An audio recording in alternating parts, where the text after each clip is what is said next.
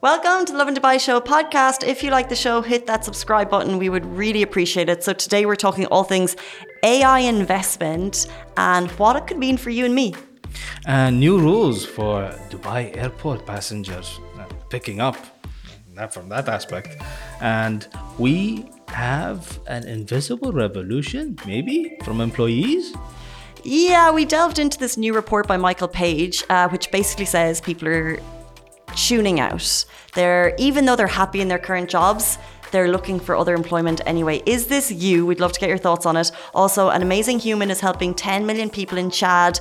Uh, we have the story on that too. Uh, so please stay tuned.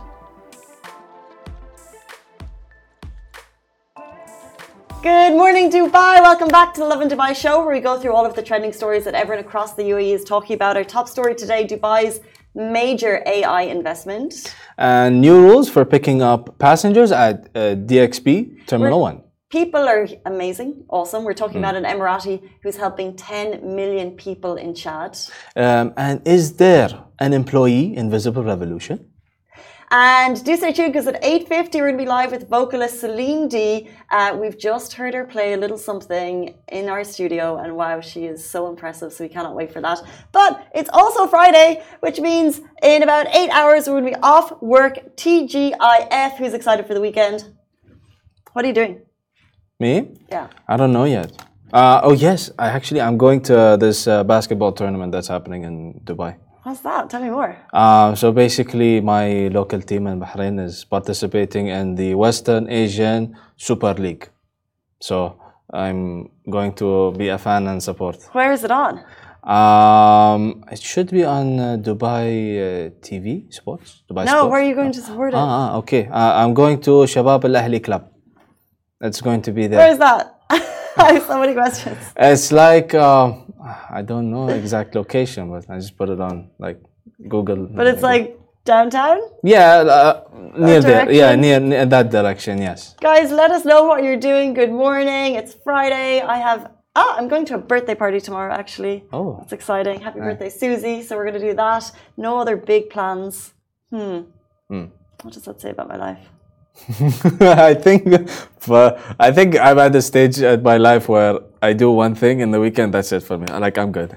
yeah, you're, you're so right, Snap. If I uh, if I actually get out to one social thing, we're doing well. Um, good morning, everyone. British Chippy DXB. Maybe we'll see you this weekend. Um, is seeing family. Love that too. Um, I'm going to try and see my mom. It's been a while. Oh, yeah. yeah.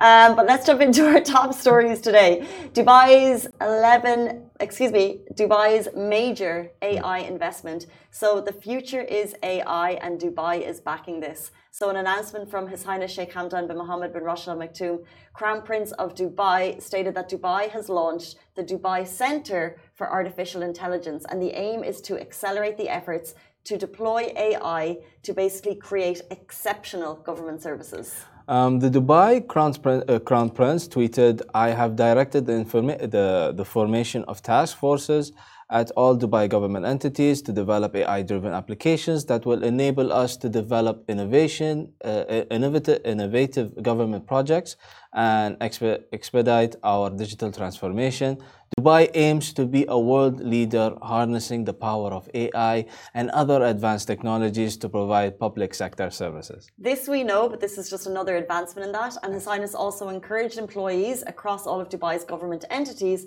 to apply generative AI tools to enhance productivity.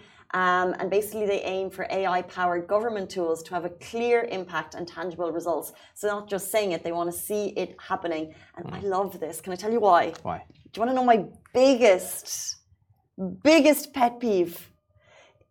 Is chatbots on WhatsApp who only have about five answers, and it's like, what's the point? Yeah, like it's a set set answer for you. You think you're getting a conversation because it opens up WhatsApp, so you're like, great, there's someone going to be at the end of this able to help me, but they have five answers and you know you're going to have to make that phone call anyway. Mm-hmm. So, but you know, if you guys have used ChatGPT, if they're able to imp uh, input the clear information, you actually are able to get a very usable tool. So mm. this hopefully could solve a lot of customer service issues and make um, uh, a smoother transition to real-time answers. Fingers crossed. Hopefully, we all we all struggle in one shape, like in some shape and form. Like uh, like you, I also face the same issue with with chatbots. They're they're just annoying.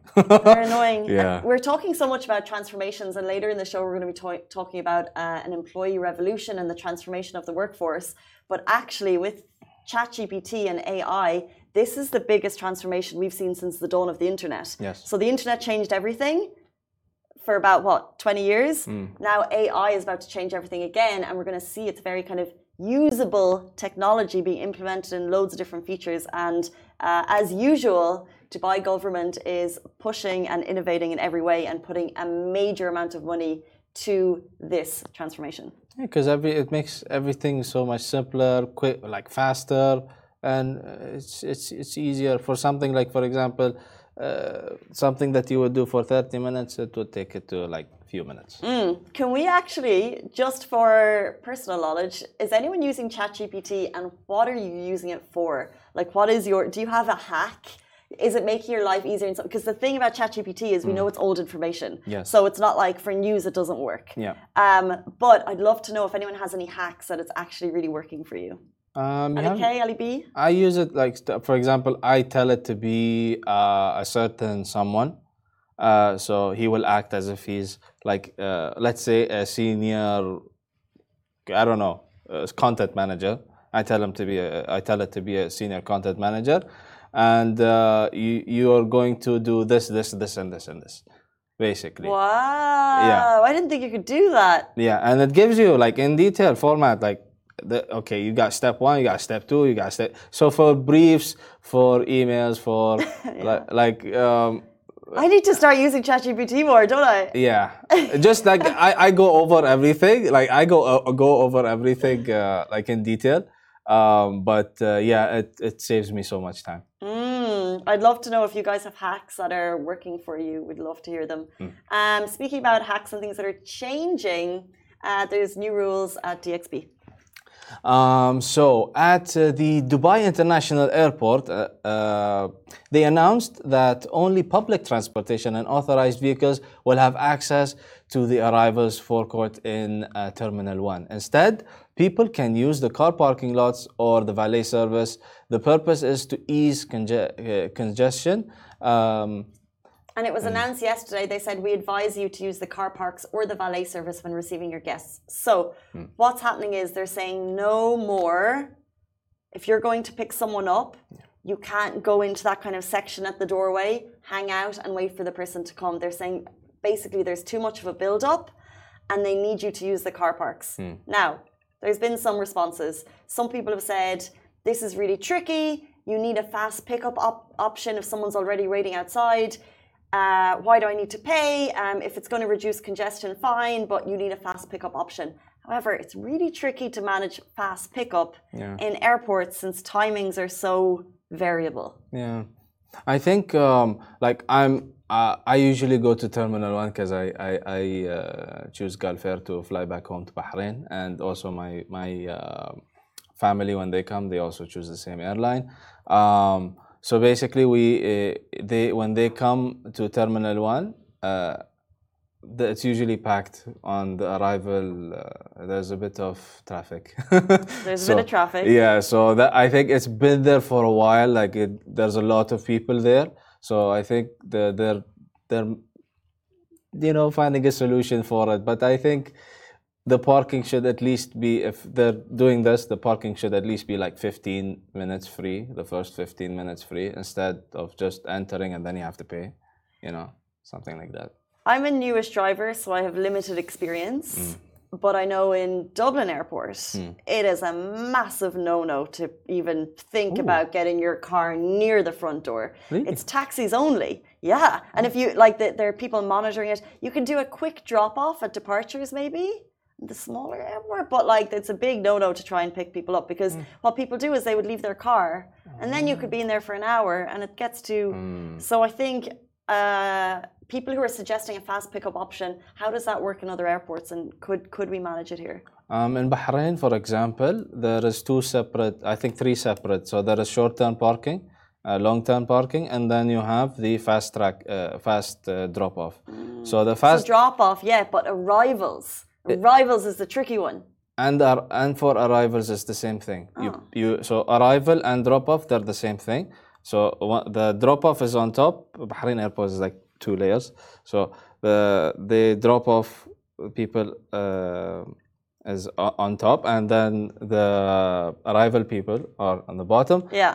Um, so they charge you after a certain amount of time. Hmm. So maybe that could have also been an option. That's interesting because then, yeah, if you're not able to do the fast pickup, you're going to get charged. So if you're interested in the car parking charges, they've listed those as well um, on the D, uh, Dubai Airport's uh, parking. Um, we're going to jump into a next story. Uh, people are awesome. Um, this Emirati is helping 10 million people in Chad.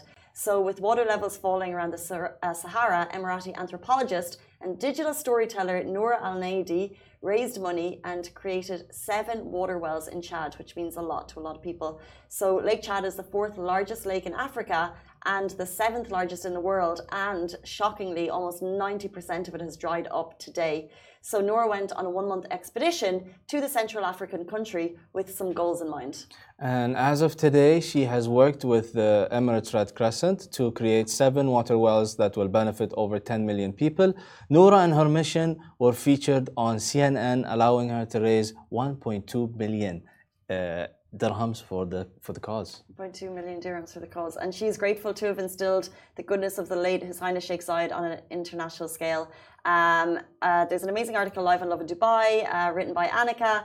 She saw the story on CNN and was just, I think, just moved by what an incredible uh, mission and act of someone who wants to do good for people and give back in such a special way. And to be able to help 10 million people by creating seven water wells is just, it's just phenomenal. Like people are awesome. People who have a mission who are awesome. So hopefully the shout out is uh, inspires more goodness. Real life superheroes, right there. Um, speaking of real life superheroes, is there an employee invisible revolution going on? Hmm. According to the Michael Page Talent Trends 2023 uh, report is here. This is a uh, this is a of almost uh, 70,000 professionals across 37 markets, and they're calling the summary the invisible revolution, um, the unraveling and the most profound transformation of work culture since the arrival of the internet. Interesting finds uh, include uh, 95% of employees are open to new opportunities. Six in 10 would choose work life balance over career success. And they highlight the three factors uh, we as employees need to get right uh, to uh, get the right to win the work uh, life equation And those three factors are salary, career growth, and flexibility. So if you think if to win, uh, to get that work-life equation from a personal level, those are three factors. Now, um, this is what people want according to the report. And one of the key takeaways as well is a report in an attitude shift. So they're saying since the pandemic, changes in employee attitudes and motivations have profoundly affected the talent landscape across all age groups, countries, and industries. 50 years ago was a conversation of work life balance happening. 10 years ago wasn't happening so much. Now it's key, and they're saying it's a silent revolution. People are, even people who are happy in their jobs, are looking for alternate solutions. Even people who are comfortable in what they're doing would rather be somewhere else. yeah Why? I, I don't know. I even don't know. I usually have, you know, like an idea, uh, but this is, this is uh, out of my scope. But um, maybe I don't know. Maybe they they just don't want to be comfortable. like like in terms of job security and all of You that. You think they don't want comfort? N- li- like if they're trying to jump from job to job that doesn't look good on you like as a as a employee um Sure. employers employers would look at that and like mm, you you you don't stay for long do you you know so they might not take you seriously if you're applying to other places so that's one negative factor that i can think about and um, yeah It's a good point. I th- the, so the three factors that we think we need to nail to have that work-life equation. So we want a, we want a salary, mm, probably salary. a good one.